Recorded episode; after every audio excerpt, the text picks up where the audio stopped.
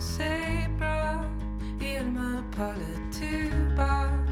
Je vois la vie en rose. Hej och välkomna till Kino Matiskt eh, för ett nytt avsnitt. Avsnitt nummer åtta tror jag vi är på nu. Eh, fin- Varför kommer man aldrig ihåg vilket nummer det är? Nej, det går inte. Ja, Jag vet inte, Eh, men ja, nummer åtta i avsnittet. Jag heter Felix och vi har, Hille? Och Krille. yes, välkomna. Eh, Vi ska prata om Citizen Kane lite senare, men har ju som vanligt vår runda först. Men eh, ja, eh, vill vi bara hoppa rakt in på det? Ja, jag Du har inte så var- mycket annat att säga än, så vi kan väl köra Ja. på. Jag, jag börjar gärna så jag får, får mitt bortstökat. Eh, för eh, ja, det, det är Disney. Jag Det kommer prata om Disney. Jag, jag Som sett- du har längtat. Ja, ni som har lyssnat kanske kommer ihåg också att jag teasade lite att det skulle komma Pinocchio-snack någon gång framöver. Eh, och ja, här kommer det. Ja, din näsa har inte vuxit, du Nej. inte. Nej, exakt. Jag håller vad jag lovar. Eh, för jag har sett den nya Pinocchio, då, eh, live action remaken. Eh, ja, den kom ju året innan Citizen King, 1940 kom ju originalet. Det var ju Eh, knäppt att tänka. ja, men nu 82 år senare så var det alltså dags att eh, göra en live action remake, för det ska de göra på alla sina filmer. Av någon anledning. Ja. Eh, det är Robert Zemeckis som har gjort den här. Eh, Hollywoods näst tråkigaste regissör kanske. Eh, Men han gjorde väl, eh, eh, Back to the Future gjorde han ju. ja just en det, gång i tiden. Mm. Men eh, sen har det gått ut för efter det. Mm. Eh, Ron Howard är den tråkigaste regissören. och båda är typ lite så Spielberg-aktiga, ja, Spielberg, ja. det, precis. Fattigmans Spielbergs. men ja, eh, som sagt, ännu en själlös live action remake, eh, Pinocchio den här gången. Eh, Tom Hanks spelar Geppetto, heter han va? Mm. Eh, quote on quote farsan till Pinocchio. Eh, ja, de flesta känner väl till historien. Eh, han gör en trädocka, trädockan får liv eh, och ska lära sig etik och moral typ. Mm. Men i den här så, alltså den är ju ganska trogen förlagen då, alltså Disney eh, förlagan. Jag vet inte hur trogen den är eh, originalboken, eh, jag har inte läst den så jag har ingen aning. Det har jag faktiskt gjort på Ah. italienska. Ah, Eh. Jag läste när jag pluggade italienska. Det var assvårt för eh, jag var inte så jättebra på italienska och man satt där liksom med ordbok konstant. ah, Eh, Mm. Det hjälpte att man förstod det, men eh, ja, det minns jag. Ordet åsna assassino kom till mig nu bara för att det är en Ah. åsna med i filmen. Men, I alla fall. Men, men du har sett eh, Disney-originalet eller? Alltså jag måste väl ha gjort det. Jag minns inte att jag har. Det kan Nej. vara en sån jag missat. För liksom det känns som att eh, när man växer upp så ser man på ett x antal Disney-filmer jättemånga gånger. Och sen så är det bara Ja. några man helt missar. Så att jag tror Pinocchio kan ha varit en sån. Men det känns som jag sett det. Men jag, jag vet inte ifall jag har. Ja, nej, jag tänkte om du hade, eh, kunde jämföra boken Nej, nej, och nej, tyvärr inte. Ja. Men det känns som att boken är lite mer fabel och b- känns mer som en gammal, eller jag vet inte. Eh, hur som helst, eh, ja, som sagt den är ändå ganska lik eh, originalfilmen. Det kanske sämsta med den är ändå, alltså, ja, som sagt som van, alla de här remakesen är ju, känns ju helt själlösa. Eh, liksom tappar ju all magi från originalen. Och den här är inte, inget undantag.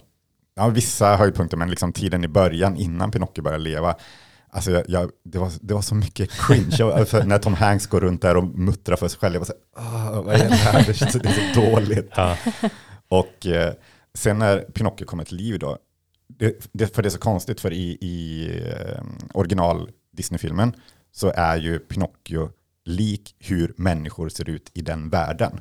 Mm. Eh, så när han kommer till liv så, så ser han ju ut som människor. Men i den här filmen så är ju människorna spelas ju av människor och Pinocchio ser ut som han gjorde i den här animerade filmen. Så han ser ju inte alls lik, alltså, han ser Ah, exakt ja. ut som han gör i den gamla animerade filmen. Jaha. Men han ser ju inte ut som en människa överhuvudtaget. Så det är liksom, det, Men, det ja. funkar liksom inte riktigt. intressant, för jag tänker att det kan ju, för du, för du kan, eller såg du den andra Pinocchio-remaken som italienska med Benini? Nej, jag tänkte komma in på Ja, det. jag komma tänker in på dem dockan där är väl mer som ska väl se ut som någon hybrid mellan trä och människa. Ja. Jag tänker att det måste varit svårt att veta ska han vara liksom mer cartoonish eller mer mänsklig för det blir ju lätt uncanny valley Mm.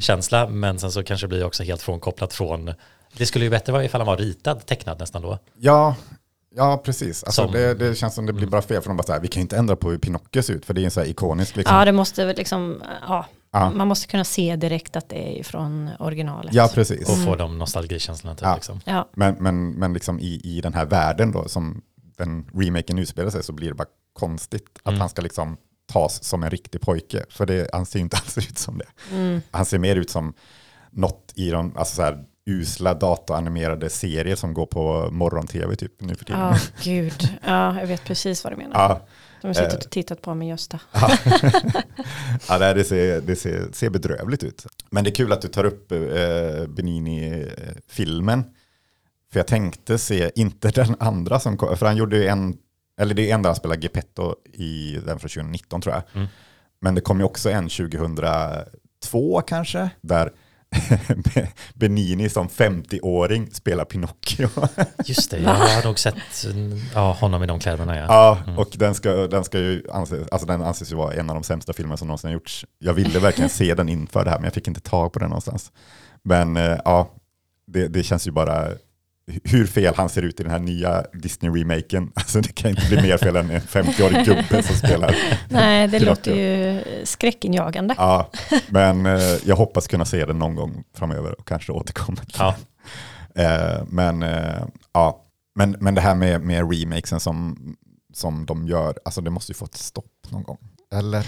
Alltså de behöver nog inte göra det. För jag tänker, eller det, känns ju lite som att den här släpptes utan fanfar på typ bara Ja, den Plus. på- Liksom. ja, det känns inte som att det är någon stor biopremiär för den i Sverige. Jag vet inte hur det är i USA eller kanske Italien de satsar på bara för att det är en kärl berättelse Kanske. där. Så här. Ja, alltså framförallt är det bara att tjäna pengar. För Ja. man vet att eh, alla kommer gå och se Lejonkungen eh, remaken. Ja. Den kommer liksom, även hur jävla usel den är. På något sätt så är ändå Disney som eh, det här programmet, var det Extreme Home Makeover? Mm. När de så här, Move that bus. ja, och frågar barnen i familjen, bara, vad gillar du? Ja, men jag gillar hästar. Och så gör de ett helt rum som är helt så här överdrivet mycket med hästar och allting bara liksom over the top och Ja. så jäkla mycket, allting bara intensivt och alldeles för mycket. Mm. Om du tänker att Disney jobbar på samma sätt. Ja men så här, alltså att de ja, men tar det här med nostalgi då, liksom att ja, folk har nostalgiska känslor kring Disney-filmerna de såg när de var små. Så nu gör vi remakes som är till dem. Typ. Mm. Och det är väl samma med, med Star Wars och Marvel också. Bara, ja, jag har hört att ni gillar Star Wars, här får ni fyra filmer om året Ja, och tre serier. exakt. Typ. Ja. Bara så här, nej, vi vill inte ha så mycket, låt oss vara. Ja. Ja, det är ju tröttsamt som fan i alla fall. Ja, Eh, jo men de här live action remakesen har ju, ingen har ju varit intressant att se om liksom. De har Nej. varit de minst i, Alltså, det finns ju- Marvel och sånt där. Ja, de enda jag tänker på är ju typ, alltså Cruella och Maleficent är väl de enda som försöker göra någonting i alla fall. Det är sant. Det är ja, och de är ju inte riktiga, alltså Nej, de, de har ju inte- tagit karaktärer Precis. från de tidigare Disney-filmerna och gjort Mm. egna filmer åt. Ja, men det kan jag ju köpa mer i sådana fall. Ja, jo, samma här. För det finns ju någon, någon slags kreativ tanke bakom det. Mm. Jag gillade Maleficent till exempel. Ja, men den är helt okej i alla fall.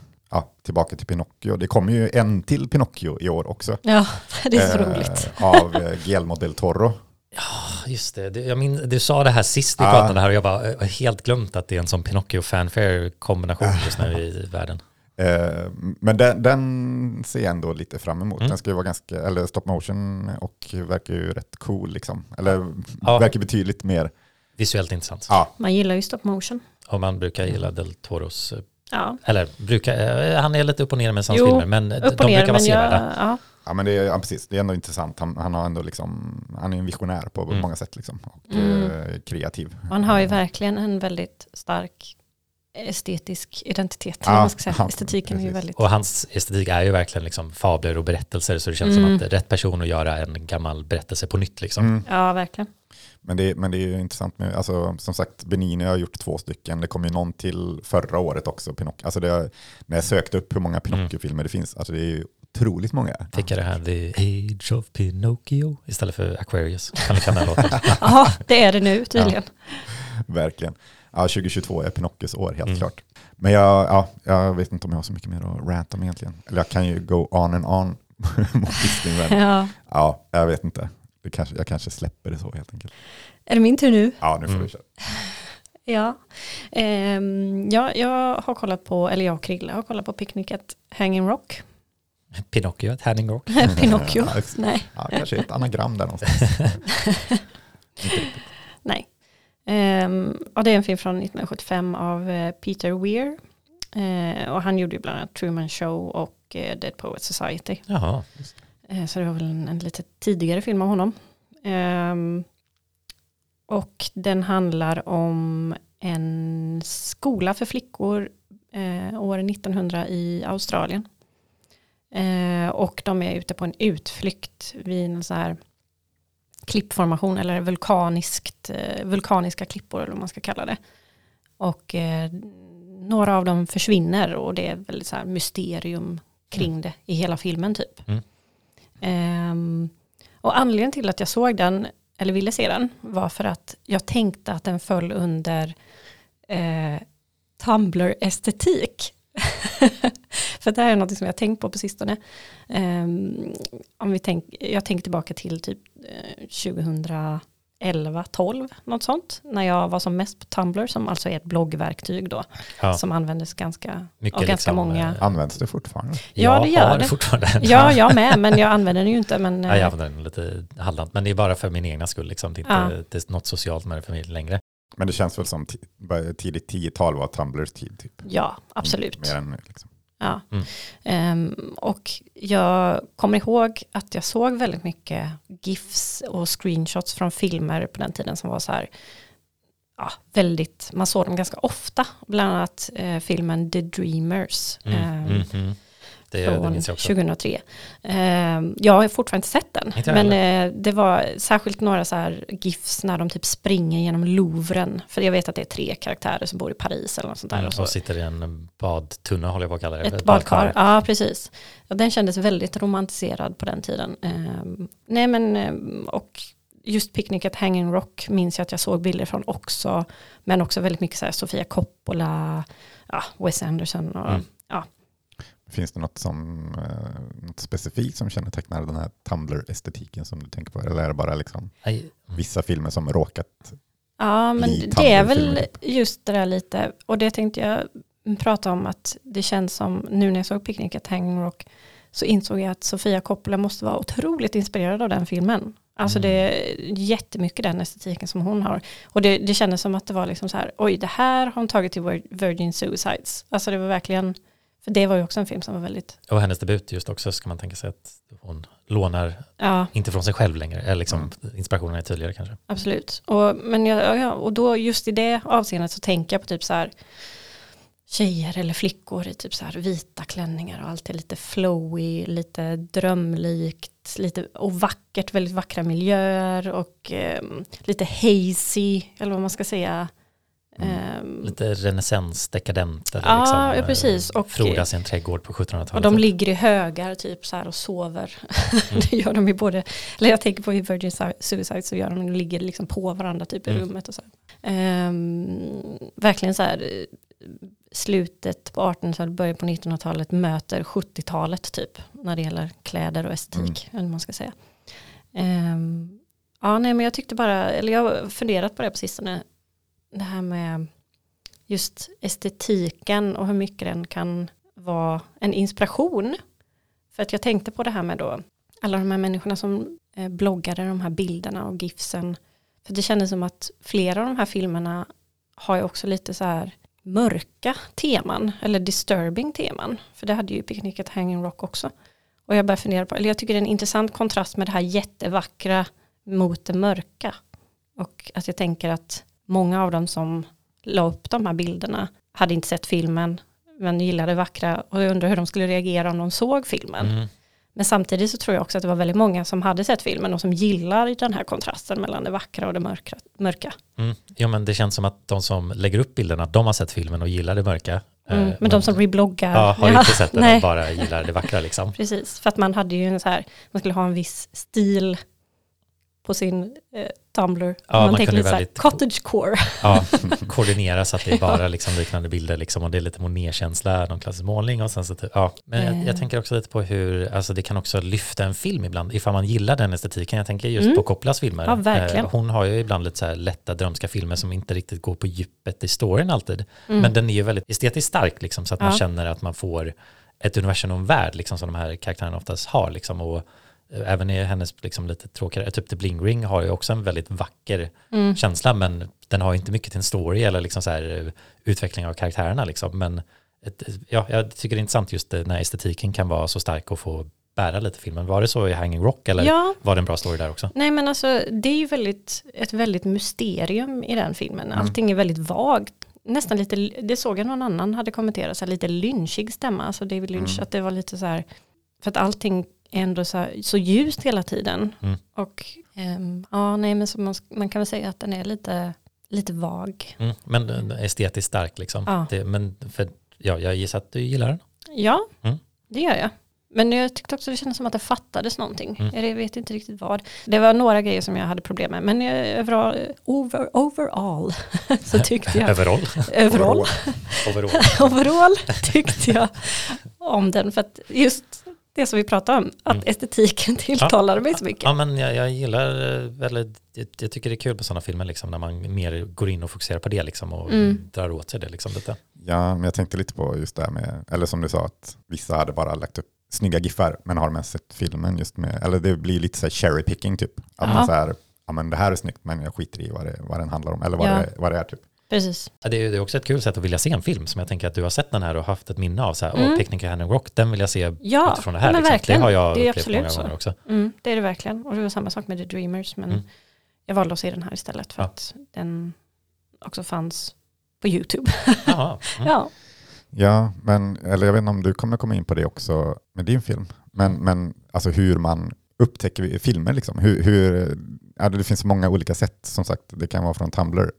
Jag såg ju någon film bara på grund av den här eh, Robert Redford-giffen, där han ser ut som Zach Galifianakis Ja, med som skägg. alla tror är Zac Ja, Galifianakis. men det är Robert Redford med, Ja. med lite, lite överviktig och med skägg mm. och ja, nickar leende in mot kameran. Någon kompis till er har skickat den via Facebook. Ja, alla har sett Ja. den. Eh, men, men den så här, jag kollade upp bara vad det var ifrån liksom. Och så bara, okej, Jeremiah Johnson, jag har aldrig hört talas om den filmen, men ja, det kan man ju se, bara, Mm. bara för att få se det klippet liksom. Ja. Jag har ju haft, kontext. som jag inte nämnde nog i fucking Åmål-avsnittet, men jag såg ju den för jag hade en poster av filmen. Ja, Ah, det. fucking Omar, Ja, ja. och liksom, eh, så det var liksom så här, men jag, jag måste ju se filmen, jag har den uppe på väggen. Liksom, så här. Ja, ja. Det känns som man borde, eh, eh, så att man inte var poser. Ja. fucking Åmål. Poster poser. Ja. Men var det någonting mer du tänkte säga om Nej, det? att, eh, lite så här, vart, vart får ni era filmer ifrån? Ja, ja, men det är, alltså, det är ju en Bara del. giffar. Ja, precis. Nej, men det är ju faktiskt en del som jag har eh, från Tumblr eller Pinterest. Eller Mm. så här, där jag samlat på mig så här fina. Eh, men det är också mm, på Instagram jag följer vissa personer som ibland lägger upp stories med nu ska jag se den här filmen. Och så är det lite bilder eller gifs ifrån Mm. eh, den filmen. Men också genom att gå in på filmer jag gillar och så, så här, här är liknande filmer. Mm. Men för mig, min del är det nog också delvis typ letterbox mycket nu. Eh, sen så är det väl också typ, man har blivit ett större fan av regissörer och sådana som gör filmer. Ja, att man jo, liksom så här, åh, den här personen har gjort något nytt, då vill jag nog se den.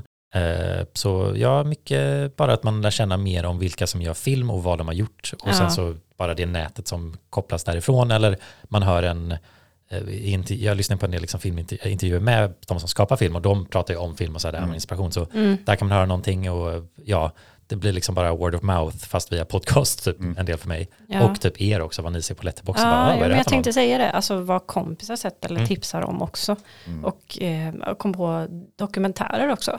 Alltså som vi har Ja. tättat. Äh, Ja, film, filmdokumentärer. ja, precis. Alltså, vi har ju tittat på den där om folk horror och den Women Make Film Mm. och sånt.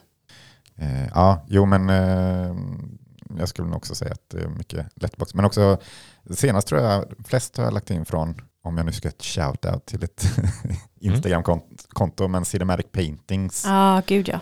Eh, de lägger upp väldigt mycket snygga, för det är, det är ofta så här, alltså en, en liksom handling om en film gör inte att jag ofta vill se en film, Nej. utan det är bättre med en jävligt snygg bild Ja. från en Mm. film. Okej, Ja, men det här ser verkligen. intressant ut. ja.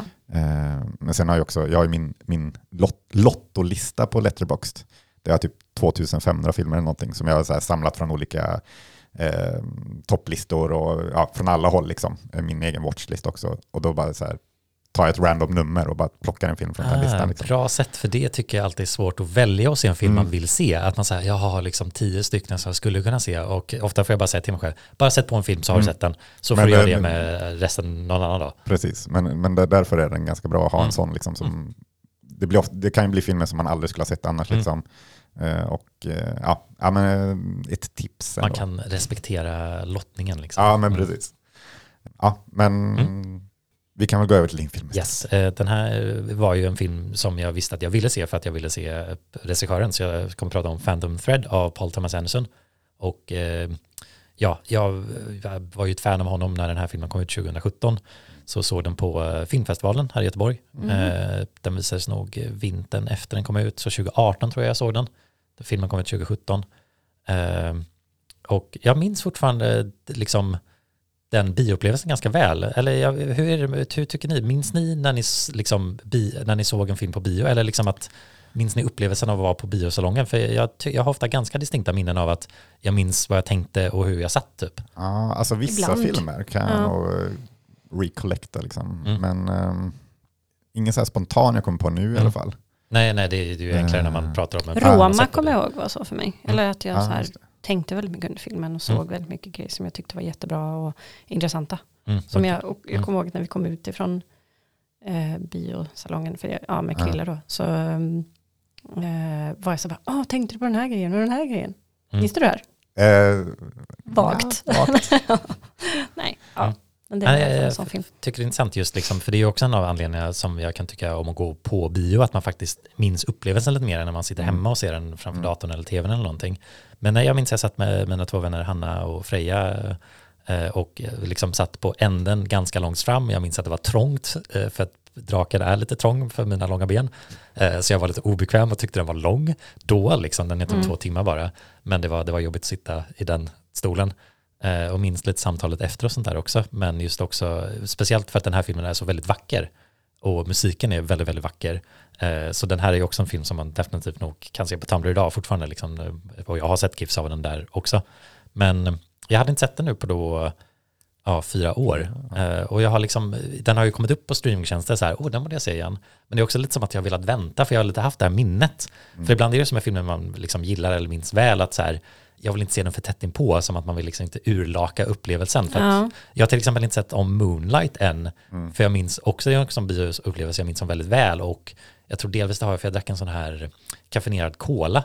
Eh, Jag var nere i Lund och besökte min brorsa, så gick vi på deras liksom så här Folkets bio och köpte en Fritz-cola. Jag visste att jag skulle säga De är det. så jävla goda. De Ja. ser inte dem så ofta längre. Men var liksom, fick någon så här laserkoffeinfokus och bara liksom fick filmen över mig typ. Liksom. Och den är ju väldigt så här vacker och estetisk och liksom eh, en bra film så sett. Men jag tror det verkligen var också att man så här fick kolan och bara hade det här totala fokuset för att ta in allting. Liksom.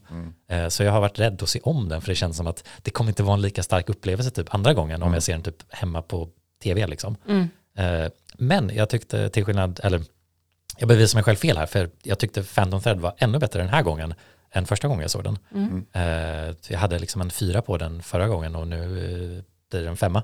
Känner jag att, liksom, eh, att vissa saker som, när jag inte visste storyn, det kändes mer liksom så här störande element som nu, det, liksom, det var borta nu när jag visste hur den slutar och sånt där. Liksom. Eh, För den har liksom en ganska komplex dynamik då mellan en eh, modeskapare, eh, Reynold Woodcock, som spelar av, eh, Daniel Day-Lewis. tack, och det är väl hans sista roll Mm. hittills. Han kommer tillbaka typ från retirement för att göra den tror jag. Okej. Han hade, jag tror han hade sagt att så här, ja, men nu ska Ah. jag inte göra mer. Mm. Och så Paul Thomas Anderson ringde och bara, okej då. Ja, en sista. Eh, och eh, För de gjorde ju There Will Be Blood tillsammans också. Mm. Kan. Exakt. Men ja, eh, handlar då om honom som en modskapare på typ, eh, jag, jag tror det är typ 40-talet. Men det är lite äldre i England liksom och det handlar då om det här molehuset och eh, hans, eh, han är ju en väldigt eh, skör och specifik kreatör, geni liksom som har sina rutiner som inte förstöras. Men han då lite möter en kvinna på ett sjö, seaside hotell. Hon är servitör och det är då Vicky Krips, den skådisen. Hon blir lite hans nya kärlek och musa, lite sånt där och handlar ju då lite om dynamiken hon hamnar i, i den här känsliga kreatörens liv som, ja, de har en speciell kärleksrelation liksom som eh, utvecklas över filmens gång eh, som jag tyckte om att se eh, med den här gången när jag visste lite vad den leder, för annars liksom, kan man störa sig ganska lätt på Paul, eller vad säger jag, Daniel Day-Lewis karaktär.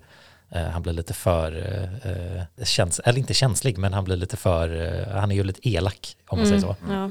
Eh, Men överlag så slogs jag bara hur vacker och välgjord filmen är. Liksom, eh, ja, jag kom verkligen in i världen där liksom, på något sätt och eh, njöt av att bara titta på den. Mm. Eh, och speciellt då också Johnny Greenwoods musik, han är då med Radiohead också, har gjort många för Paul Thomas Anderson och väldigt, väldigt vacker liksom, klassisk musik som, eh, ja, man, jag har då också nu lyssnat på sen filmen kom ut, så att jag hade ju ännu starkare associationer med den musiken liksom och gillar den, så att det skapar nog också att man kom in djupare i filmen på något sätt, för att musiken var också familjär till mig nu liksom. Eh, ja, nej, det, det, det fanns mycket att bara njuta av och många giffar man skulle kunna göra från den här filmen. Ja, jag, jag, vet, jag vet inte om det sa det, det kanske gjorde, men, men kostymerna är ju såklart fantastiska. Ja, liksom. absolut. Eh, Och bara typ eh, Daniel Day-Lewis hår. ja. Okej. Ja, den bara vacker och välgjord och ja, just att man en film som inte försöker vara så mycket mer än den är, men vad den är är väldigt starkt på något sätt. Ja. ja, jag måste Ja. se den någon gång. Ja, jo men jag rekommenderar den verkligen, även ifall som sagt, eh, se den igen. Nej, jag gillar den mer andra gången. Ja, Det får, jag får att, se den två ja, gånger då. Jo men den slog mig mer som sagt mer nu, så jag, jag känner mig mer att jag är bubblig om den än, inte att man måste vara reserverad när man rekommenderar någonting, det är tråkigt också, men eh, ni förstår. Mm. Eh, om jag bara får eh, cirkla tillbaka det vi snackade om i början, eller det, början av ditt segment så att säga, med, med bioupplevelser Mm. och även om att se om filmer. Men eh, en, en bioupplevelse som jag eh, kommer ihåg och som har fått en ganska rolig resa i mitt liv. Typ. Men när jag såg Känn ingen sorg, eh, Håkan-filmen, eh, jag kommer ihåg jag såg den och den ja, jag vet inte, den väck, väckte någonting i mig så den blev, väl, det blev väldigt emotionellt för mig när jag såg den. Alltså typ min tid i Göteborg och mitt liv och min eh, ja, familj. Ja, det Mm, blev så mycket liksom eh, som bara började liksom väckas i mig. Så jag bara, ja, jag älskar den här filmen. För jag bara åkte hem och grät typ, för det var så Mm, liksom, emotionellt. Mm. Eh, men, men nu hatar jag ju filmen, för den är ju inte bra. Ja, nej, jag var lite överraskad att höra att du hade den uh, upplevelsen, men Ja. jag förstår ju det. Jag tänker För- också just med Håkans musik och låttexterna och sånt där, liksom, att man kan dras med till Ja, för det var också på den tiden när jag gillade Håkan, Mm. vilket jag inte gör lika mycket längre. Eh, men, men om man går in på filmtipset på mig så tror jag jag har en femma på den fortfarande. Men om man går in på Letterboxd så tror jag en tvåa. Ja, men det är också bara nu när du säger det, jag gillar lite också till exempel med att se om filmer, eller typ som Letterbox tillåter när man har den här dagboksfunktionen, Mm. att samma film kan vara olika betyg beroende på när man ser den i tid och sånt där. Och liksom ja, men att, det, jag har inte sett om den. Nej. Så, så det är bara, Ah, när jag börjar mm, tänka på den, bara, mm. ja fast den är dålig. Ja, ja, ja. ja. Och jag, jag, köpte, för jag köpte den i affekt, typ på DVD när den kom. Eh, i, i, när den inte hade dalat så pass mycket än. Men den ligger i någon låda med plasten kvar fortfarande. Jag kommer aldrig någonsin att se den. Liksom. Eh, men, men eh, det är roligt hur en sån stark bioupplevelse, när, när, när det liksom falnade så bara insåg jag att okej, filmen var ju inte så bra egentligen. Eh, Mm. Så ja, Men från en femma till en känslor som, ja. Näst, nästan så skulle det kunna vara en etta, men nej, Men nej. okej. Li, li, den Du får har ha ju inte sett kvar. om den. Det kanske är en trea egentligen. ja du, Bara för att Mm. ändå är något så här emotionellt. Mm. Ja. Vi får se. Jag kommer nog aldrig se om den. Nej, okej. Den, om den kommer på IMAX på bio kanske vi får se den. Mm. Specialutgåvan, 20 års... eh, Mm. Så du kan gå hem och gråta igen. Ja, vi får väl se. Ja. Here's a man that could have been president, who was as loved and hated and as talked about as any man in our time. But when he comes to die, he's got something on his mind called Rosebud. Now, what does that mean? Ja, eh, Citizen Kane från 1941. Eh, det här avsnittets huvudfilm. Eh, regisserad av Orson Welles som också spelade huvudrollen i filmen. Var 25? Eller vad Han var gammal 25 år när han Ja. eh, skrev, ja, delvis skrev och regisserade och eh, eh, spelade huvudrollen i den här filmen. Vilket ju är helt otroligt. Ja, jo, det får man ju lov att säga. Och eh, filmen eh, anses ju ofta i många sammanhang vara den bästa filmen genom alla tider. Eh, erkända magasinet, brittiska magasinet Sight and Sound eh, hade den som etta i 50 år. Ja, herregud. Ja. De gör en lista vart, varje årtionde. Kommer en ny lista snart faktiskt. Mm. eh, Mhm. Kommer den vara, eller har den, har den gått vidare från Citizen Kane? Den var inte etta eh, för tio år sedan. Ah, Eh, kanske gör den en comeback. Kanske, vi får se. Ja, världens bästa film eh, har den Det, det är ju så man kommer över den här filmen, att så här, det här ska vara världens bästa film. Eller Det är så jag hörde om den när jag var liten och liksom, Ja. ja, det är bara det ryktet. Ja, men det känns ju som en film som alla har hört talas om den. Alla har säkert sett åtminstone parodier på den. Ja, eller sett en GIF på nätet också, insåg jag när jag såg den här filmen. Ja, när han applåderar där, Ja. en klassisk eh, GIF. Eh, Eller hört namnet Rosebud. ja, precis. Mm, exakt. Eh, men kanske inte så många som egentligen har sett den. Nej, Eh, eller I alla fall inte av yngre människor. Nej. Nej. Som, Men nu ska vi prata om Mm. Eh, ja, ja. det är liksom vad börjar med den här filmen på ett sätt liksom. Ja. Med det pompösa storheten om man vill gå in på storyn lite för att eh, ja, vi kan, ja precis. Vi Bara kan bara vad börja det handlar om. Ja. Eh, handlar om Charles Foster Kane, som sagt spelad av eh, Orson Welles då. Som börjar med att, eh, det börjar med att han, han dör efter ett långt liv. Eh, han har varit en mediemogul kan man väl säga. ja, Eh, han- tidningar. Ja, eh, han eh, föddes fattigt men togs eh, till eh, någon slags fosterfamilj. Eh, väl. Ja, Ja, det- eller en eh, Guardian, vad säger man? Alltså, ja. Ja, det, alltså- jag, det, jag var lite förvirrad över det, liksom, ifall det är så att eh, hans mamma ägde land som de, banken köpte Mm. upp och så tog de Just det. pojken för att de kunde liksom raisa Ja, det var ju någonting en, med något som hon ärvde Mm. eller som hon hade liksom. Så ja, han är ju ja, uppvuxen fattig och Kommer in i rikedom Ja. bakvägen på något sätt. Liksom. Mm. Eh, och hans eh, eh, ja, Guardian, då, eller man ska säga, han har delvis har många gruvor och olje och oljebolag och så vidare, men också en tidning. Mm. Och Kane då säger att jag vill inte ha guldet och allt sånt, jag vill bara ta över tidningen och styra den, för det verkar kul. Typ. Ja, men eh, ja, men filmen börjar som sagt med att han dör där och eh, han har ju då ett par kända sista ord som vi sa alldeles nyss där med Rosebud. Precis. Och det är ju lite det som blir ledfrågan för man får se då den här nyhetsbyrån som då ska skriva en artikel om honom. Mm. Eh, och då blir liksom frågan han ställer till sina anställda, ta reda på vad Rosebud betyder.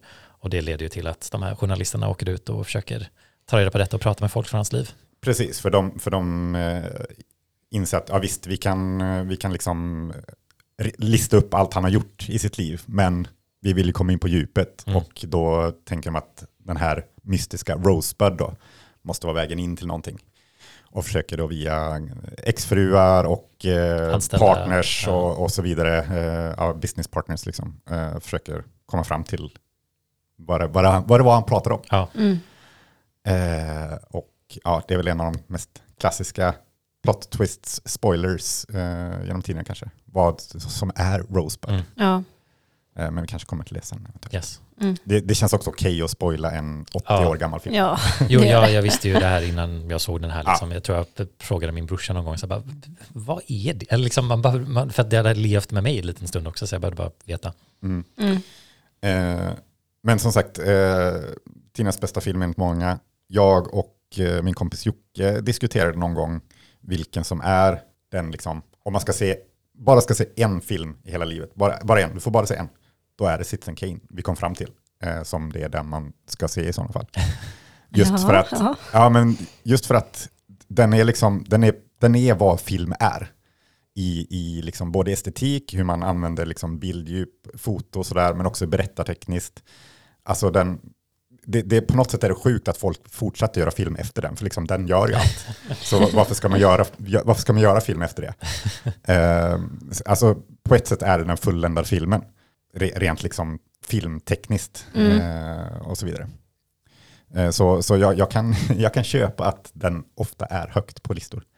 Ja, Eh. eller visst, jag känner väl att jag förstod det bättre efter att ha sett den i alla fall. Eh, Och just alltså, de aspekterna som var nyskapande, som den gjorde nyskapande har ju åldrats väl, för det är ju liksom berättarteknik, klipp, foto, eh, ett mer modernt sätt liksom som var, ja, det är ju svårt att få den uppskattningen nu när man har sett på så mycket film som tagit och Mm. lånat och influerats av Citizen Kane liksom, men det, det kändes inte så, ja den hade åldrats väl, jag var eh, ibland överraskad och ibland eh, till förväntan kanske, jag vet inte. Ja, nej men jag tycker inte det är konstigt att den liksom är en föregångare eller att den hyllas. Alltså det, med, det, med tanke på det tekniska då, liksom filmfotot, det är ju verkligen fantastiskt och man blir ju väl, väldigt förundrad över hur de ens lyckades göra vissa av de här scenerna. Och sen efteråt har jag läst också att det var ju nästan omöjligt. Eller det var jättesvårt att göra vissa av de här scenerna som de gjorde.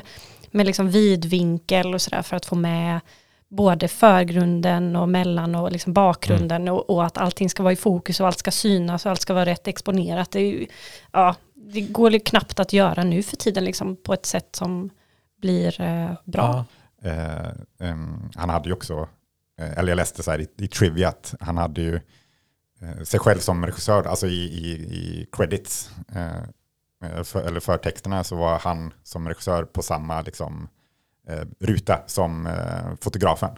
För han tyckte att liksom, han har gjort så, det är han som gör den här filmen. Liksom. Mm. Alltså hans eh, cinematografiska teknik, det är det som Mm. det är, väldigt, det är så viktigt för den här filmen, så liksom vi ska stå parallellt eh, som har skapat den här filmen. Ja. Eh, och det fattar man ju verkligen. Mm. Eh, för, för just det här med, med bilddjup och sånt där. Det känns som det, det, när man ser gamla filmer så gör de det så mycket oftare och bättre än nu. Det känns som många nya filmer, framförallt inom Mm. Hollywood, då, är ju så platta typ. ja, det var mer ett hantverk på den tiden. Ja. Liksom. Eller de, inte för att man ska låta som någon analog hipster här, men alltså det, det var ju som att de, de fick experimentera mer och liksom Mm. hitta sätt att göra någonting effektivt på som skulle vara slående eller man ska säga. Och jag tänker att filmkameran kanske är tekniskt svårare, att man behöver ha mer kunskap om linser och eh, man kan Ja. inte spendera hur mycket, man måste vara mer förberedd för att Mm. det kostar att bränna film, eller kanske mindre då än vad det gör nu. Men just med digitala kameror så har man ju en, det är ju enklare på ett annat sätt att tillåta den att vara, göra mycket saker på, jag tänker, man kan ju inte, ja, teknik och hur det påverkar, men jag, jag tänker absolut att man kanske Mm. var bättre på att förstå djup på en stilla kamera, liksom, medan nu kan man bara göra lite vad fan man vill och Ja. handhållen och annat liksom. För jag, för jag tänker ofta på det när jag ser nya filmer, just, just med, med vissa filmer som gör så här, okej nu ska vi ha någon i förgrunden och någon i bakgrunden och båda ska vara i skärpa liksom.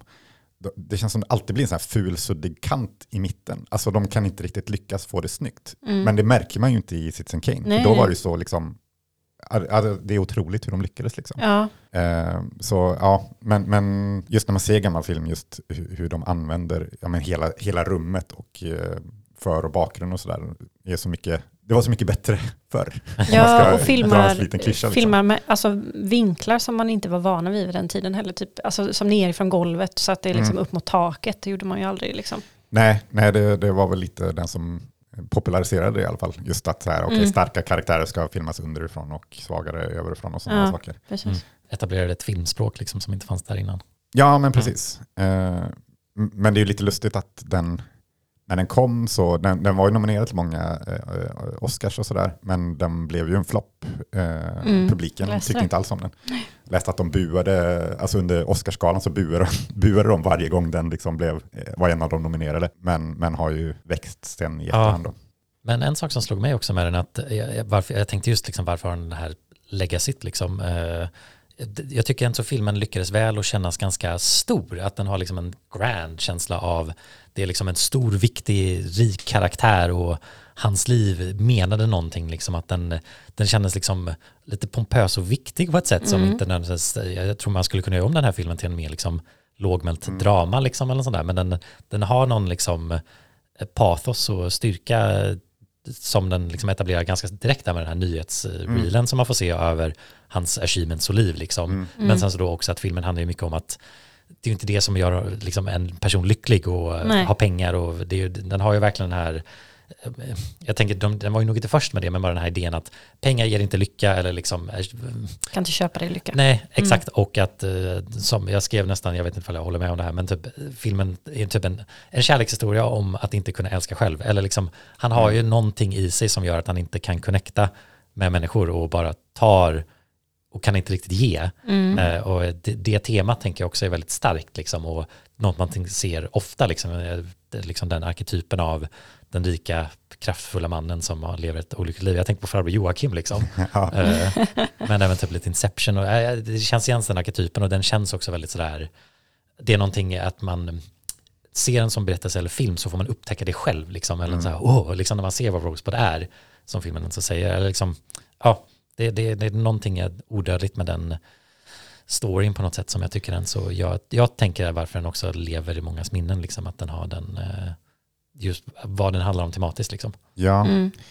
Ja, för jag, tänk, jag tänker också att det är en film som, det känns som den kan misstolkas typ, eller att den är typ, ja men som vi var inne på tidigare, att man kanske tar ut vissa delar och eh, tänker att det, här, det är det här den handlar om. Ja, alltså det går väl säkert tolka på många sätt, men eh, det är ju en väldig, eller han är ju väldigt girig, liksom. Mm. han vill bara ha mer och mer och han letar efter någonting hela tiden för att Mm. jag antar ska fylla det här tomrummet på något sätt. Så han samlar på sig alla de här, all den här konsten och Mm. bygger ett större och större hus och allting ska vara liksom bara större och större och bättre och bättre och Ja. sig en yngre, politiken för att det ska Ja. kanske ge någonting. Liksom. Och vill ha liksom kärleken av folket. precis, och den Mm. makten på något sätt eller liksom och Ehm, ja, och en yngre kvinna och så här, liksom hela tiden mer och bättre typ.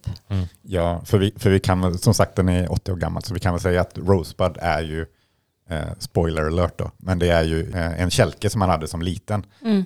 Ehm, Innan han tvingad, att- tvi, tvingad att flytta från sina föräldrar. Precis.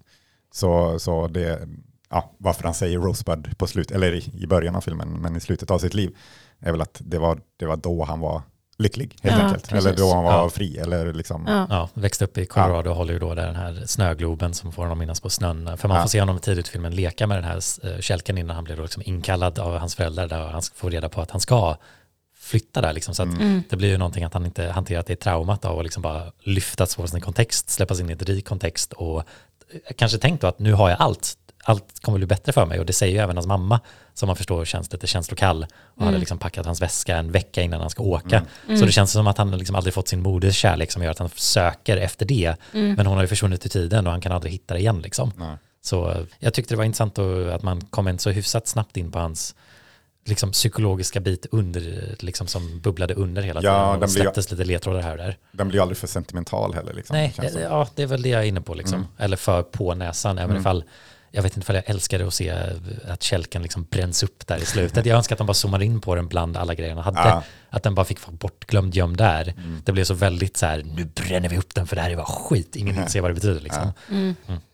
Men eh, ja, eh, det är kul att ha äntligen sett den. Det, det är väl en sån film som alla säger, "Åh, jag har inte sett den förrän nu.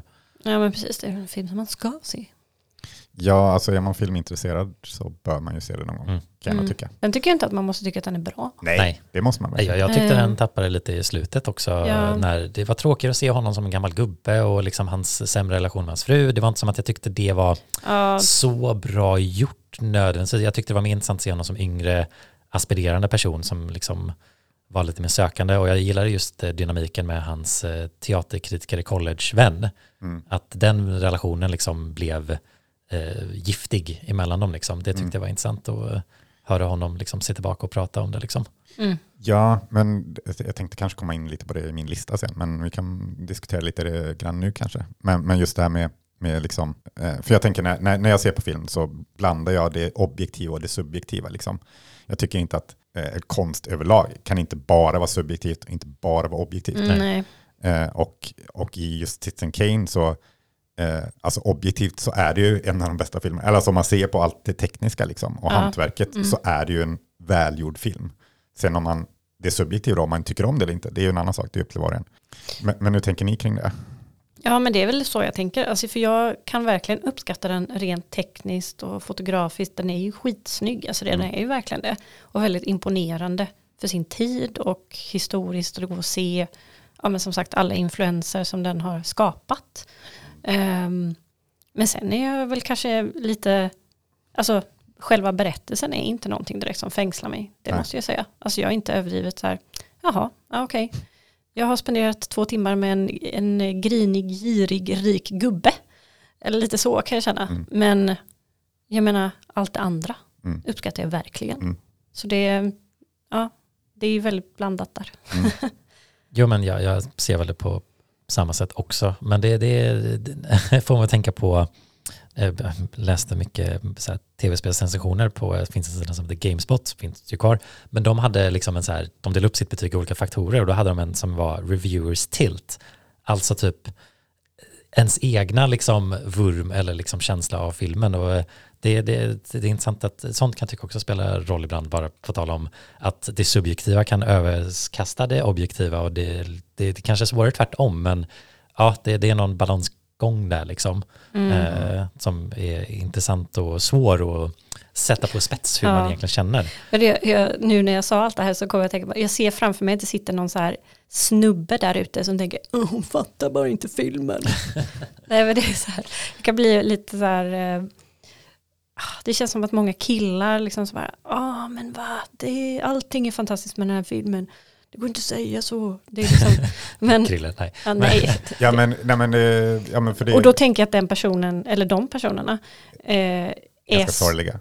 sorgliga, ja, men de är också otroligt privilegierade att de kan välja att liksom så skita i saker som eh, alltså de kan aldrig se utifrån mitt perspektiv. Och bara för att jag inte kan det så känns det som att många tycker att jag är korkad typ.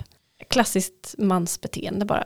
Men, men, jag, men som jag sa innan så jag och eh, Jocke då, eh, kommer fram till att det här är the film, alltså den, om man ska säga en så är den här.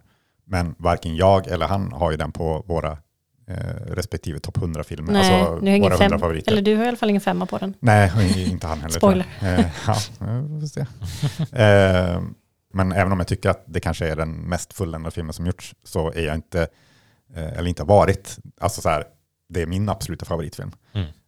Så, men där kommer ju det objektiva och subjektiva in igen. Liksom. Mm. Objektivt sett så tycker jag att den är helt otrolig. Mm. Subjektivt, jag, jag kan hålla med dig. Den är lite så här, ja, jag är inte jätteengagerad i själva storyn. Nej, jag, precis. jag, Den, den, vad ska man säga, på ett emotionellt plan blir man inte så, i alla fall inte jag. Mm. Visst, alltså det är väl hela grejen med, man blir inte lycklig av pengar, det är någonting som jag står bakom. Men det gick inte hem hos mig ändå riktigt. Nej. Nej, inget Nej. jag kände för honom så här direkt. Nej, och det, det är väl också ibland, eller inte synd, men jag tänker om man ska prata om subjektivt och objektivt och det emotionella blir ju alltid subjektivt. Men det är ju så viktigt. Liksom. Mm. Det, det känns lätt att man säger, ja men det objektiva, det är viktigare, men det subjektiva är ju också så viktigt. Ja, Och speciellt då det emotionella, liksom, storyn och hur man connectar. Liksom, att, eh, men där tänker jag det är så lätt att tycka att det objektiva är mer konkret och ja viktigare. exakt. Liksom. Det är det jag tror många snubbar Ja, det är ju en, tänker. det, det, och alltså jag tänker också bara när man inte, när, när man, man behöver utforska sin eh, kritik vidare liksom. Mm. Att eh, man, det är en ganska eh, basnivå gå in och tänka att det objektiva överkastar det subjektiva eller någonting. Men Mm. det, är ju- det är ju inte så, det är ju mer komplext och, än så. Mm. Ja. Ja, för det, men det tror jag har varit lite inne när vi pratade tidigare om betygssättning och sådär. Mm. Just att för mig så kan en film, eh, objektivt så är det, kan det inte vara mer än en fyra. Eh, sen måste liksom det subjektiva, att den når mig på ett emotionellt plan eller Ja, vad som helst. det Att, måste för tippa att, eh, över där. komma Mm. upp till en Mm. femma. Ehm, jag, jag, tycker det är väldigt viktigt just det där med att man ändå måste kunna Mm. eh, se både objektivt och subjektivt. För jag har lite svårt för folk som bara så här, ja ah, men det, kritikerna hatar den här men de har ju helt fel för det är ju Fast and Furious 9 är ju svinbra. eh, och ja, kritiker sätter 4-5, ja men då kan det inte vara bra för de vet ju inte vad de pratar om. Alltså, det är så här, jo, det vet de. för de har Mm. sett väldigt mycket film liksom. Sen behöver man inte hålla med krit- kritikerna alltid. Nej. Men, men, eh, ja, men det är därför jag gillar typ Metacritic, där det liksom samlas alla kritikers eh, samlade eh, åsikter. Eh, och om så många som har sett så mycket filmer tycker något är bra, då bör det ju objektivt vara bra. Sen om jag gillar det eller inte, Mm. det är en annan sak. Ja, Mm. ja, men Ja. jag skiljer mig nog lite i den åsikten, men jag förstår ju. Ja, liksom. alltså jag, jag- ja, Jag håller med till viss del i alla fall. Mm. Det Ja. gör jag verkligen. Men sen tänker jag att det, när det handlar om någonting som film så kan det inte vara helt objektivt heller. Nej, Alltså jag det säger det. Men jag menar det objektiva kan inte helt vara, för att om du säger så här, Ah, att, den är, att det är helt objektivt, någonting är helt objektivt bra. mm. Jag vet inte om man någonsin kan säga så.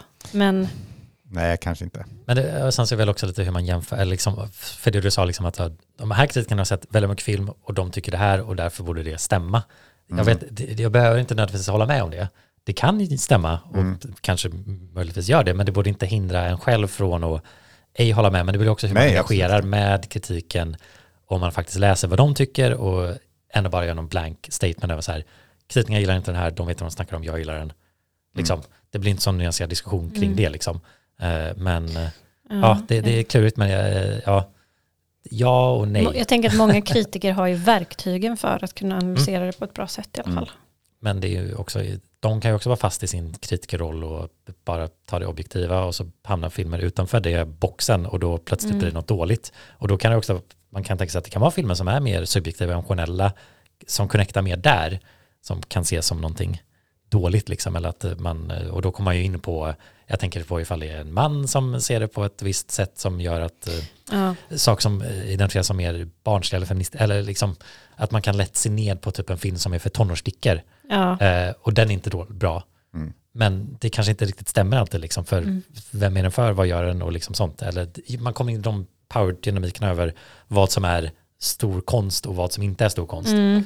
Ja men precis, det är ju då det är bra att ha många olika typer Mm. av kritiker. För att en Mm. bara manskritiker skulle ju inte vara så bra. Ja. Till exempel. Och det kan ju vara från så många olika perspektiv också än bara män. Nu kommer det upp som exempel. Men Ja. Det kan vara liksom eh, historiskt eller eh, komedi. Eller ja, jag vet inte, det beror på vilken kriterier man bedömer någonting utifrån. Mm, Liksom. Det är en Mm. djungel där ute. Ja, men det är... Ja, eh, ja, nej, men som sagt, jag, jag säger inte att bara för att eh, en film är hyllad så måste den vara bra. Eh, eller måste man tycka om den snarare. Nej, nej. Jag tycker det är skillnad på vad som är bra och vad man tycker om lite grann eh, också. Och, det- och, ja, det är väl det som är objektivt och Mm. subjektivt. Eh, men att det går in i varandra. Men det är som du säger, det gör ju för kritiker också. Men, men om en, jag tänker om en person bara har sett en enda film, då är det ju den bästa filmen den har sett. Ja. Men det stämmer ju förmodligen inte. Alltså att det är den bästa filmen som någonsin gjorts. Eh, eller den, den kan ju inte veta. Nej. Men just nu är det ju den bästa. Men om någon har sett 5000 filmer, då, då har den ju en större referensram. Liksom. Mm. Och det är därför jag, jag tycker det är rimligare att lyssna på den som har sett 5000 än den som har sett en film. Ja, det är, det är intressant det är som att man, Mm. eh, jag, jag håller nog med det, men det är också som att jag inte tycker Det att blir är så 100%. filosofiskt. Ja, exakt. Alltså nu tänker jag också mer på ett Mm. filosofiskt plan, liksom. Ja. Att det inte behöver stämma att man får en mer nyanserad kritik från den som har sett 5000 mot den som inte sett någon. Nej men alltså den har men som han säger så har den ju bättre referensramar. Mm, men sen mm. kan man ju inte veta vad den personen ligger, alltså så här ideologiskt eller vad den har för åsikter eller, Eller liksom bara- hur den Nej. ser på film. också den här personen som sett en film, den kanske kopplar och ser något annat som inte den här som har sett 5000 gör, för att den, den skulle aldrig kunna se det på något annat sätt. Nej, Och, alltså, och då pratar man filosofiskt, vad, vad lägger man för värde på vad som är bra kritik eller vad som är en bra upplevelse? Jag, jag förstår att det är nog mer intressant att höra den som kan sin filmhistoria mot den som inte kan, Mm. men jag tycker inte nödvändigtvis att det måste betyda att någon har mer rätt än den andra, om du förstår vad jag menar. Att Ja. båda får existera Men- samtidigt Jo. Ja, och fast är jag lika håller, värda. jag Men, håller ändå med om att eh, den som har sett fler filmer kan ju kanske se kvaliteter som en annan person Mm. inte kan se. Ja, men eh, det vet man ju inte. Nu blir det här abstrakta. Ja, jag tänker jag att, vet. liksom, men den kanske kan jättemycket om konst. mm, Liksom att vara, ha- bara för att den inte sett mycket film behöver inte ha en dålig bakgrund för att kunna förklara någonting. nej. Och den kanske vet någonting om något unikt. Eller jag bara vill, eh, vet potentialen av det okända, man kan inte förkasta det. Men Ja, jag, jag, jag, men, eh, ja. jag tänker bara på mig själv när jag var yngre, alltså när jag var tonåring typ, Ja. och såg någon film som var lite artsy. Och så gillade jag den, men jag kunde inte Sätta sätta, jag kunde inte sätta finger på vad det var jag gillade. Eh, Eller jag kanske ogillade en film, Mm. men när jag blev äldre så gillade jag den och började förstå vad det var jag ogillade eller gillade för att jag hade fler verktyg för Mm. att kunna analysera eller kunna se vad det var i de filmerna Mm. som tilltalade eller inte tilltalade mig. Ja. Apropå kritik och sådär, ska vi sätta några betyg ja. på det här då? Oj. Men eh, det kanske blir det osexiga betyget. Tre och en halv. Ja. Något, något mer kring det? Eller nöjer? Nej, det är väl bara just att, Du har ju sagt, eh, ja, att jag uppskattar den för det historiska och det tekniska mm. fotot. Men resten är jag inte jätteintresserad av. Ja, nej, men jag var, Eller jag berättar tekniska också ska jag Ja. säga. Mm. Jag var nog en som fyra. Eh, Som sagt, vi har ju pratat om det tekniska och mm, sådant och hur den är välberättad och filmad och fotad och allt sånt där. Eh, Men jag tyckte nog också att jag connectade lite med Kane, kanske mer när han var ung och i början än när han blev gammal och äldre. Och slog sin fru. Ja, jo men eh, absolut. För mig var det väl bara mer att jag såg honom som en mer tragisk karaktär som Ja. inte liksom visste vem han var eller kunde älska någon annan liksom riktigt. Mm. Eh, inte att det ursäktar någonting. Nej. Eh, men att, eh, ja, just hur den kanske då berättartekniskt visar det här eller målar upp det. Men det kanske också hjälpte att jag redan visste lite om filmen och leta efter de ledtrådarna liksom och tolkade vissa scener på vissa sätt än att bara slå sig över dem då liksom. Mm. Men jag tycker som sagt det blev lite sämre mot slutet och eh, ja, eh, men fortfarande sevärd. Mm. Jag har haft en fyra på den. Eh, och jag, ja, jag är lite i valet kvalet om jag kommer höja den till en femma kanske. Jaha. Eh, för när jag såg om, det var väldigt länge sedan jag såg den första gången. Och nu när jag såg om den så, Ja, var det här bara andra gången? ja, Jaha. jag tror, ja, jag kan ha sett den tre gånger kanske, jag vet inte. Men det var länge sedan jag såg den senast i alla fall.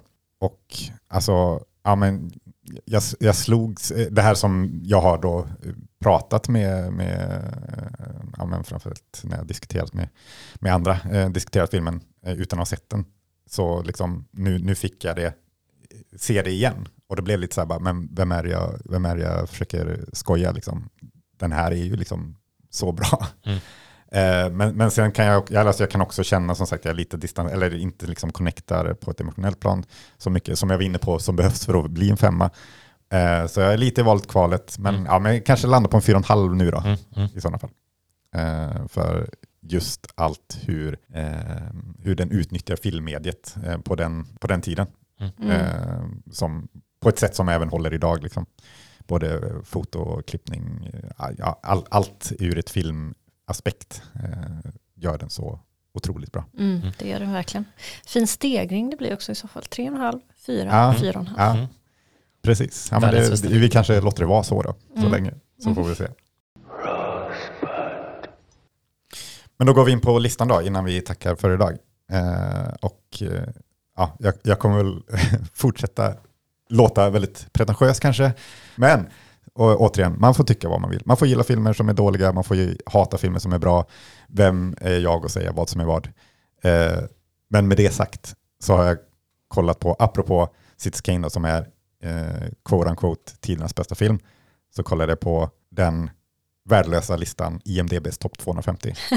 eh, och eh, jag kollade på de 50 bästa i den listan. Och ja, kanske hälften av dem tyckte jag personligen, bara, vad, gör de här, vad gör de här filmerna här?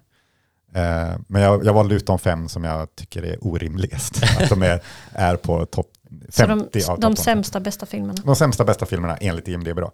Eh, Enligt Krille. enligt mig. Mm. Eh, men jag, jag tycker, framförallt tycker jag listan är så väldigt mycket eh, tonårskillig. Mm, ja. och eh, killar som, eller killar som inte är tonåringar längre, men fortfarande är tonåringar i mycket i smak och tanke, vad det, vad det känns som. Mm. Eh, och det kanske kommer fram här i, i de här fem valen jag har valt.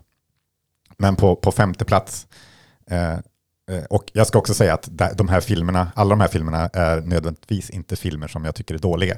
Nej, men du tycker inte de är de bästa Jag tycker filmerna? inte de platsar på de placeringar de har. Mm. Eh, så på, på, på plats fem då, så det blir en trilogi. Eh, Sagan om ringen-trilogin. Jag tycker de är bra. Jag tycker de är jättebra. Gud vad mycket hat det kommer få nu. Ja, jag, jag är medveten om det. Men Ja. att de skulle vara sjua, nia och fjortonde plats över filmerna, bästa filmerna genom alla Mm. tider. Mm. Alltså har ni sett Sagan om två tornen? Den är jättetråkig. Men jag tänker att filmer som har en väldigt stark subjektiv, eh, att man gillar dem väldigt mycket. Ja. Att de, Ja, det är det liksom är lätt att känna att det här är en av mina favoritfilmer. Liksom. Mm. Precis. Och då spelar sig nog det en del i Ja, men självklart. de betygen. Eh, och det är väl därför jag kanske som sagt tycker att IMDBs lista Ja, är jag- jag så kan- mycket att gå efter. Tycker att det är ganska hög Det är lite överdrivet. Ja. Som sagt, jag, jag, som två tornen har jag en trea på, eh, men de andra har jag en fyra på. Så jag, jag tycker absolut inte de är dåliga filmer. Nej. Eh, och jag fattar att folk älskar dem. Liksom. Mm. Det är superrimligt. Men det är inte, alla tre är inte topp 15 genom alla tider. Det, det, alltså, är det min åsikt? Eh, allt det här är min åsikt. Eh, Mm. Leave hate på Instagram eh, och så vidare. Men jag kan ta det. Men vi fortsätter på listan. Eh, och här är väl liksom tonårskillarnas eh, eh, avtryck i mångt och mycket. Men att Gladiator är på 37 plats eh, är ju också väldigt Det märkligt. känns inte Ja, det, jätterimligt. alltså, jag tror jag hade klasskompisar i gymnasiet som liksom kunde det talet utan till. Liksom. Såklart att Ja, den, wow. den är ju med på topp 50. Eh, Gröna milen valde jag inte med här, men den eh, är också med på topp 50, vilket också jag tycker är lite orimligt. Eh, och det saknas bara Braveheart för att få the holy trifecta av filmer som hockeyspelare tycker är de bästa filmerna genom tiderna. För alla hockeyspelare i hela världen väljer någon av de tre filmerna eh, som är den bästa. Är det här en riktig eh, Eh, ah, Okej, det, studie? det är spetsat, men när, om, man kollar, om man kollar på där det står favoritfilm så är det, jag skulle säga 80% chans att det är någon av de tre filmerna. Mhm. Eh, Det kanske ändras lite nu med Marvels in, intåg och sådär, men innan Ja. Marvel så var det så i alla fall. Mm. Eh, men vi går vidare på listan för det är, det mycket, mycket skit kvar, skitsnack kvar från min sida. Eh, där har vi The Dark Knight, återigen, tycker det är en bra film, 4 plus. Men trea Mm. bland fi- bästa filmen genom alla tider. Trea. Ja, det, det är lite Det svårt. känns helt otroligt. Ja. Hur kan det vara så högt? Ehm, som sagt, jag, jag tycker den är, det är en av de bästa superhjälte comic book-filmerna. Eh, absolut. Men, men att den ska vara trea känns helt otroligt. Men har du sett Jokerns upp eh, Heath Ledger? Älskar. Heath Ledger som Joker. En, en av de bästa rollprestationerna Mm. senaste 20 åren, absolut. Det bara känns som att det, det kommer leva kvar på alla listor. Att så här, det är det här du ska gilla liksom. Men vilka, Och- vilka som har röstat 10 på den filmen tror jag? Mm. Är det tonårskillar kanske? Tänk vad många som var utklädda till alltså halloween de åren efter den filmen. Gud. Fruktansvärt. Ja, det är fruktansvärt. Så många joker. Ja. Eh, men vi går vidare på andra plats. Eh, ah, det, det är så många tår jag trampar på, men det, det kommer bara fortsätta. Men eh, eh, Intouchables eller En oväntad vänskap. Jag scrollade precis förbi den och tänkte den kommer han nämna. Ja, den är på plats 44, så den är relativt lågt. Men åh, sån sen, sentimental smörja, den filmen. Har du sett den? Felix? Mm. Ja. Alltså, jag förstår varför folk gillar den, men det måste finnas någon hejd på kärleken till den filmen. den, den är inte bra liksom. Mm. Den, den, är, den är så liksom on the nose och bara liksom smörig och sentimental. Och, Och lite nästan manipulativ liksom Ja. i hur den sätter saker och ting på spets gällande Ja. vilka karaktärer så oj, en oväntad vänskap mellan de här två. Ja. Jag tycker det var kul. Det är, det är en rolig bioupplevelse. När jag såg eh, Mood Indigo, vad heter han, Michel Gondrys eh, film, Mhm, ja. Mm. eh, som kom något år efter En oväntad vänskap. Och det var väldigt många eh, som, för han Omar Sy, som är ju en av huvudrollerna i En oväntad vänskap, var ju med i den. Och de här har ju tänkt, jag älskar ju fransk film nu. För jag har ju sett En oväntad vänskap och den var ju fantastisk. Nej. Jo, men alltså det var så. Och, och han var med där så bara, det här måste också vara bra. Men alltså många gick under filmen för det var inte, den var ju mycket märkligare och svårare än vad Ja. en oväntad vänskap var. Men det kändes som många hade dragits dit bara för att jag, jag är ju en frankofil nu, jag älskar fransk film. För jag tyckte om en film som var kass. Åh gud, du hatar den så mycket. Ja, jag hatar den så mycket. Eh, men eh, vi går vidare till etta på min lista, som också är etta på IMDBs lista. Nyckeln till frihet. Mm. Hur, hur kan den vara så älskad? Kan de förklara för mig? Den Den har väl så, rätt Hollywood-element och rätt eh, alltså, Men det, det är twist och ja, rätt... eh, Stephen King-kopplingen, den var ju inte en hit först, den blir ju Nej. en hit senare liksom. Ja. Så den har ju den här lite kultgrejen som kom runt och sen så är väl, jag, tänker, jag tror också det är en film som liksom visas på kabel-tv i USA. Alltså bara att den har alltid funnits på där i bakgrunden. Och den ja har men i den här Sverige väldigt- också. Jag minns att den gick på tv när jag Ja. var yngre. Och liksom att den liksom, liksom via grassroots-rörelse kanske fick det här ryktet om att det här är en otroligt bra film, du ska känna någonting. Och den har ju den här filmen som anspelar på, som även då en oväntad vänskap gör, med sentimentalitet och Mm. liksom, liksom hoppet i en svår situation. Det är ju sånt som går hem på något sätt. Och jag minns att liksom, eller man, man kan ju bli berörd av det, liksom, för Mm. film är ju ett effektivt medium för att förmedla sådana saker. Liksom. Mm. Mm. Och jag förstår att den är där, jag håller nog Nej, inte med det. Etta kan jag inte förstå. Alltså jag kan förstå att den är omtyckt, liksom, men att Mm. den skulle vara etta på en lista, alltså det känns så befängt på något Ja. sätt. Alltså jag, jag, är det en katastrofal film? Absolut inte. Jag tror jag har en trea på den kanske. Eh, men, men att den skulle vara den bästa genom alla tider, känns, det känns så märkligt att den har nått hela vägen dit Mm. på något sätt. Ja, jo det kan jag nog ändå hålla med om. Men jag tror, eller ja, nu vill jag väl gå in på bakgrunden till, jag tänker så här, dels åldern på IMDB, den har funnits och varit med och blivit omröstad länge, har nog Mm. alltid haft ett högt betyg sedan Mm. länge, att det liksom, den bara föder sig själv, sin egna Ja, för jag eh, tänker det- betyghöjning och våg typ liksom. Ja, men det är väl lite så att, eh, att man dras med, för det känns som fortfarande bland många så är IMDB en liksom måttstock på något sätt. Mm. Och man tänker, ja men den är ju etta på IMDB, då måste den ju vara bra. Så då tycker jag också den är bra. Alltså jag, jag, jag kan tänka mig att många kanske bara liksom följer med på tåget typ. Jag höjer den för att de ser, eller liksom så här tänker, um, ja, Ja. de sätter högre än de skulle ha gjort om de inte hade, ja men för så kan jag bli ibland när jag är på, alltså letterboxd. Alltså Mm. om jag ser en film som, ja den här tycker folk är bra, så tyckte jag var bra, men så kanske jag sätter lite högre än jag skulle ha gjort Mm. om jag inte visste det. Ja, det, det är ju tillåtande att hålla med och, om att gilla någonting. Att Ja. Säga, ja, men nej, det, Mm. jag har inte fel. Liksom, eller, Ja. Mm. jag, också, jag håller med, jag vill med också tycker den här är bra. Typ. Mm. Ja, det är klart man kan, eh, kan- eller det, det gör ju också att man Mm. liksom påverkas av eh, em, eh, men recensioner eller vad kompisar tycker eller vad som helst. Liksom. Mm. Ehm, till viss del. Så så jag, kan ju, jag kan ju fatta att, eh, att den är mer omtyckt än vad den borde vara, men, men jag, jag har svårt att grepp att det har gått så långt att den har varit etta Ja, så länge också. Gudfadern har väl varit etta på IMDB tror jag. Ja, de har gått eh, fram och Ja. tillbaka lite grann. Eh, Men var Gudfadern typ trea nu eller någonting? Tvåa. Två, ja. Ehm, för, men, men Nyckeln till fred, ja jag tror den är med på Letterboxd topp 250 men Mm. betydligt lägre ner eh, om den ens är med. Och den är ju inte med på Sight and Sound, deras lista. Nej. Eh, vad säger det? Eh, Ingenting kanske? Nej. Nej. och du bara, åh. Ja, nej. Eh, jag kanske ska stoppa här med mitt rant bara innan jag får allt för många fiender och Haters. haters och noll lyssnare på nästa avsnitt. Mm, han är för pretentiös. Ja, jag är det. Ja. Det, det står jag för. Ja. Eh, men ja, det var min lista i alla fall över filmer som inte borde vara på IMDBs 50 bästa filmer, enligt mig. Enligt dig. Men med det sagt Mm. så kanske vi bara ska avsluta det här. Men vi har lite, lite kort info. Du nämnde Michel Gondry. Ja. Och det leder oss in på eh, The White Stripes, för han har gjort många av deras eh, musikvideos. Och varför vi pratar om The White Stripes är för att uh, låten vi kommer spela här i slut är White Stripes från White Blood Cells 2001-skivan The Union Forever som jag har lyssnat på väldigt mycket och inte fattat sedan väldigt länge förrän min bror nog sa det när jag var yngre att det här är från Citizen Kane. Ja, Det är där det kommer ifrån och man bara va?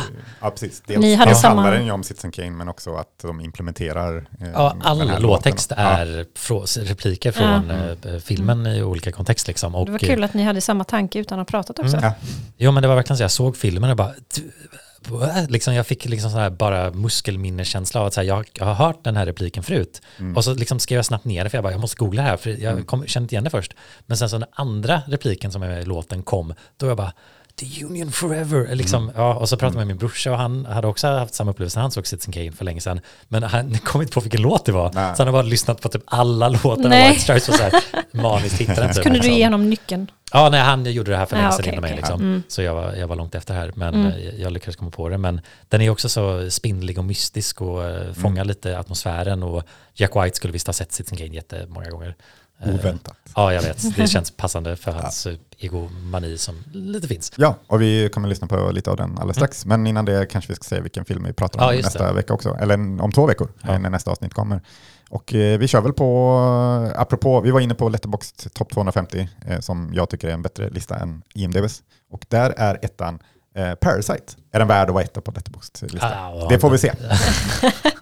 det får vi se. fastnar i det här eh, Ja. objektiva listande saken. Du bara drar ner oss med det. Ja, jag är ledsen. Ja. Men vi ska diskutera den i alla fall. Den Ja. är väldigt bra. Ja, vi har ju sett den förut. Ja, Ja. Eh, det har nog säkert många av er också. Det var Mm. eh, en, en svep den gjorde på Oscarsgalan. Ja. Ja. Så om, om ni kan förlåta mig och komma tillbaka nästa gång så får ni höra vad vi tycker om den filmen. Ja. Helt enkelt. Men nu kör vi The Union Forever med The White Stripes. Yes. Hej då. Hej då!